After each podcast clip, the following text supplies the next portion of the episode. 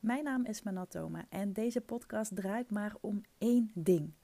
Hoe word jij online opgemerkt met jouw kennis en expertise? Zonder trucjes en poespas, maar door gebruik te maken van het meest simpele en krachtige wapen wat er maar bestaat: positionering en personal branding. Hey allemaal, even een, uh, een andere manier van uh, contact maken met elkaar. Normaal doe ik natuurlijk altijd een Facebook Live of ik schrijf een post of ik plaats een video. Maar ik dacht, ik ga eens een keer oefenen en prutsen met het maken van een podcast. Ik vind podcast zelf ontzettend leuk, ontzettend fijn om naar te luisteren. Ik merk ook altijd dat ik veel geconcentreerder ben en veel meer opneem als ik puur en alleen naar iemand luister. Ik weet niet zozeer hoe dat komt, want video is natuurlijk wel iets wat ontzettend goed werkt, hè, waar heel veel mensen ook uh, nou, de voordelen van zien. En die zijn er ook zeker. Maar ik vind het zelf altijd heel prettig om te luisteren en om tegelijkertijd bijvoorbeeld te wandelen. Dus ik dacht, hé, hey, ik, um, ik ga gewoon eens een keer een soort van podcast opnemen. En dan, zoals ik het eigenlijk altijd aanpak, gewoon doen en uitproberen en uh, aldoende bijschaven. Dus uh, nou, bij deze mijn eerste podcast. Nou, ik heb uh, niet echt wat voorbereid. Ik weet ook niet zo goed hoe podcasters dit doen, of dat ze alles uittypen en het dan voorlezen. Maar ik dacht, ik begin gewoon. Ik heb een aantal punten die ik met je wil bespreken. En um, nou, ik zie wel gewoon hoe dat loopt. Heb je daar uh, feedback op of wil je me tips geven? Stuur ze alsjeblieft, daar, uh, daar kan ik van leren. En um, nou ja, kijken hoe het uh, bevalt. Maar ik wil het in deze podcast in ieder geval even hebben over um, het hebben van concurrentie. en dan met name het stukje wat ik heel veel lees online, is ik geloof niet in concurrentie en er is genoeg voor iedereen.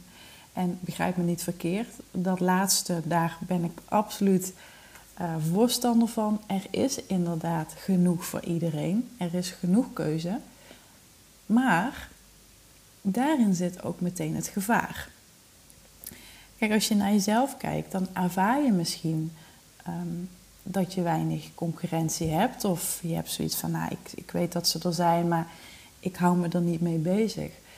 Maar dat is eigenlijk helemaal niet zo slim. En het is eigenlijk een, ja, een tactiek of een strategie of een goeroe. Um, ja, een, een, tips die veel goeroes geven, um, waar ik niet achter sta.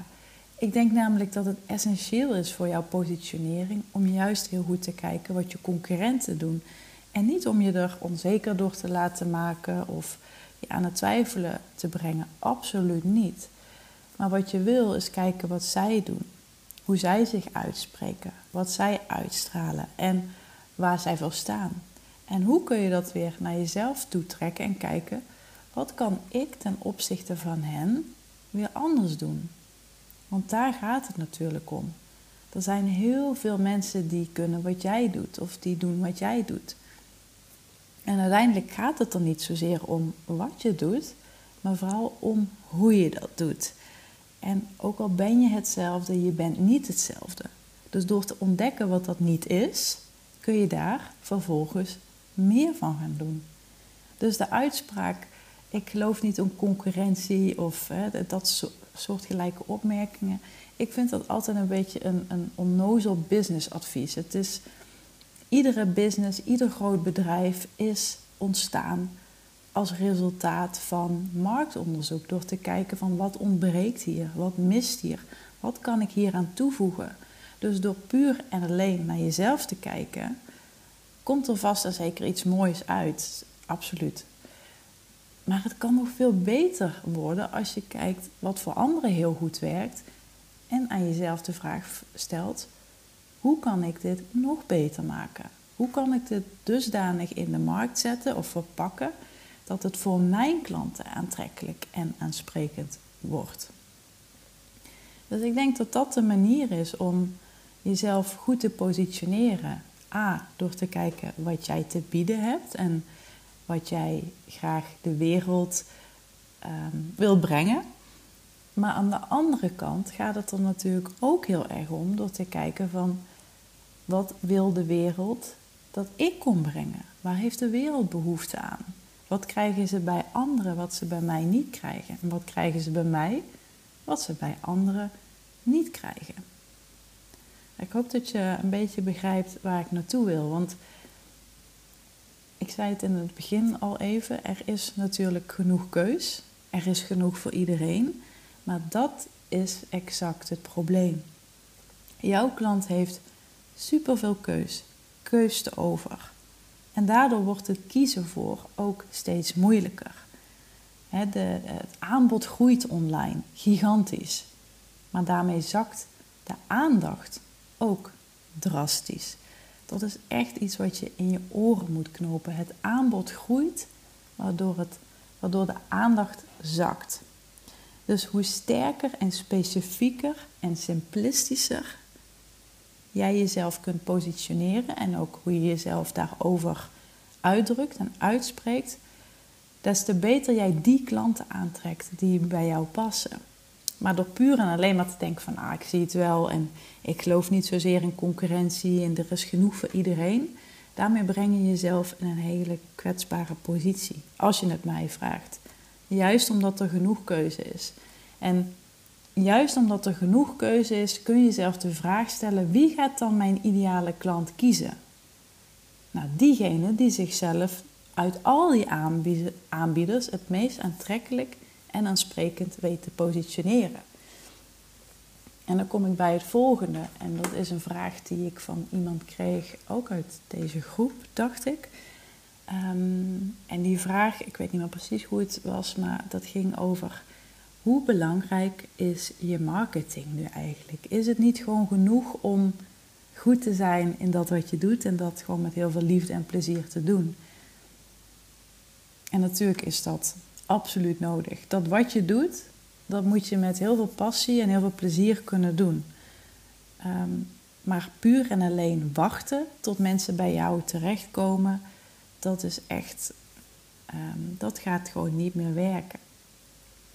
Marketing is in die zin ook een, een brug tussen jou en je ideale klant. En, zonder die brug kom je nooit tot elkaar. Dus zie het als een heel mooi verbindingsmiddel om te laten zien wat jij te brengen hebt, maar ook om te onderzoeken wat jouw klant nodig heeft. En marketing is bij heel veel mensen vaak een beetje een vies iets. Of een, of een, ja, een vervelend woord, net zoals met geld.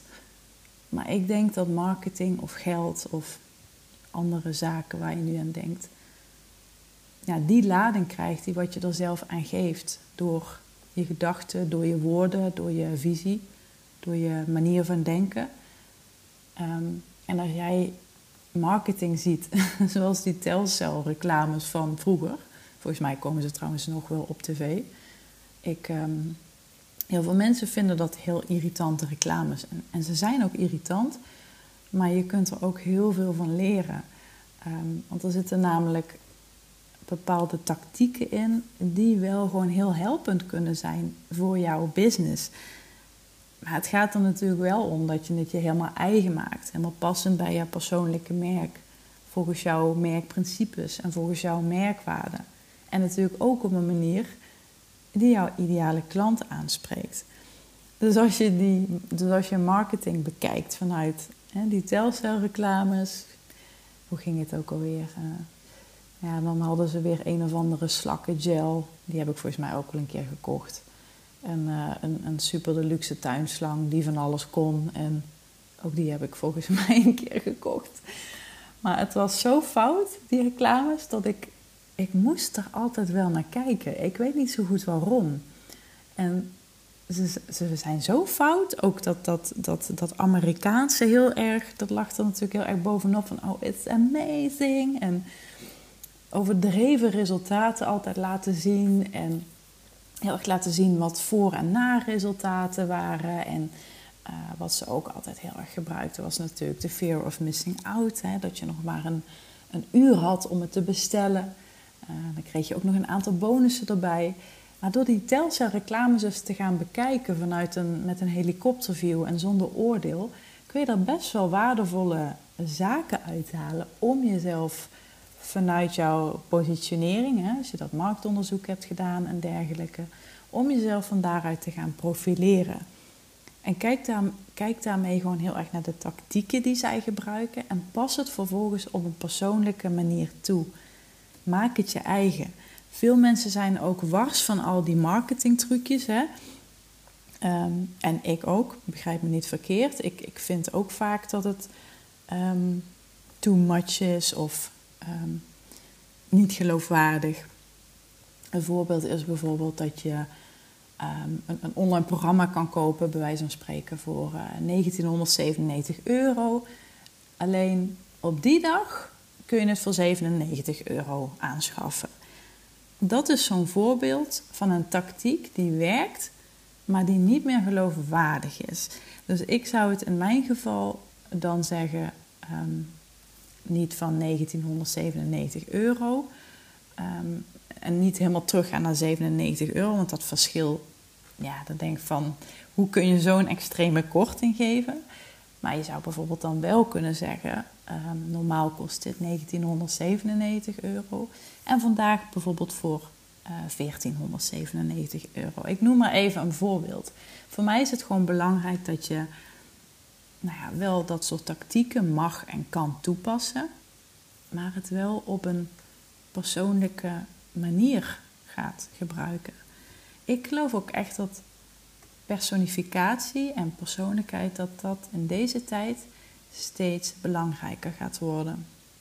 Ik denk echt dat dat huge gaat worden. En dan heb ik het niet alleen maar over uh, persoonlijkheid als in hè, wij mensen onderling, maar ook personificatie in bijvoorbeeld chatbots. Als je op grote websites uh, landt die uh, een customer journey in gang zetten, als je op een product hebt geklikt en je hebt daar vragen over bijvoorbeeld. Of um, denk aan een klantendienst bijvoorbeeld, die daarin hun eigen ding mag doen volgens de merkwaarde van het bedrijf. Dat stukje, dat stukje menselijkheid, dat gaat ontzettend belangrijk worden. En ja, uh, robotisering en automatisering, dat gaat natuurlijk ook ontzettend spelen. Maar ik denk juist om die reden dat personificatie belangrijker wordt. Want zolang er mensen op de aardbodem wonen, kun je nooit kun je nooit iets volledig automatiseren of robotiseren. Mensen zullen er altijd zijn. Dus dat stukje persoonlijkheid is um, ja, mucho importante eigenlijk. um, nou, dat was, um, dit was wat ik even met je wilde delen. Ik ben heel benieuwd wat je ervan vond. Ik besef me ook dat ik gewoon maar begin met praten en dan wel zie waar het schip strandt. Dus daar zit nog wel wat, uh, wat uitdaging om dat te gaan verbeteren. Maar um, ja, ik vond het in ieder geval leuk om deze podcast in te spreken. Laat me ook even weten wat je ervan vond. En um, nou, wellicht tot een volgende keer. Doei! Dankjewel voor het luisteren naar deze podcast. Mocht je nu inzichten hebben opgedaan of mocht je een idee hebben voor een volgende aflevering, stuur me dan gerust een berichtje op Instagram, @manontoma, of benader mij in de Facebookgroep. Dat is de besloten membership Business, Branding en Beyond. En meer informatie hierover vind je op mijn website manontoma.nl. Mocht je deze aflevering waarderen, laat dan alsjeblieft een review achter op een van de podcastkanalen of stuur hem naar iemand door. Daar doe je mij een groot plezier mee. En is mij alleen nog te zeggen: fire in the hole, zet hem op.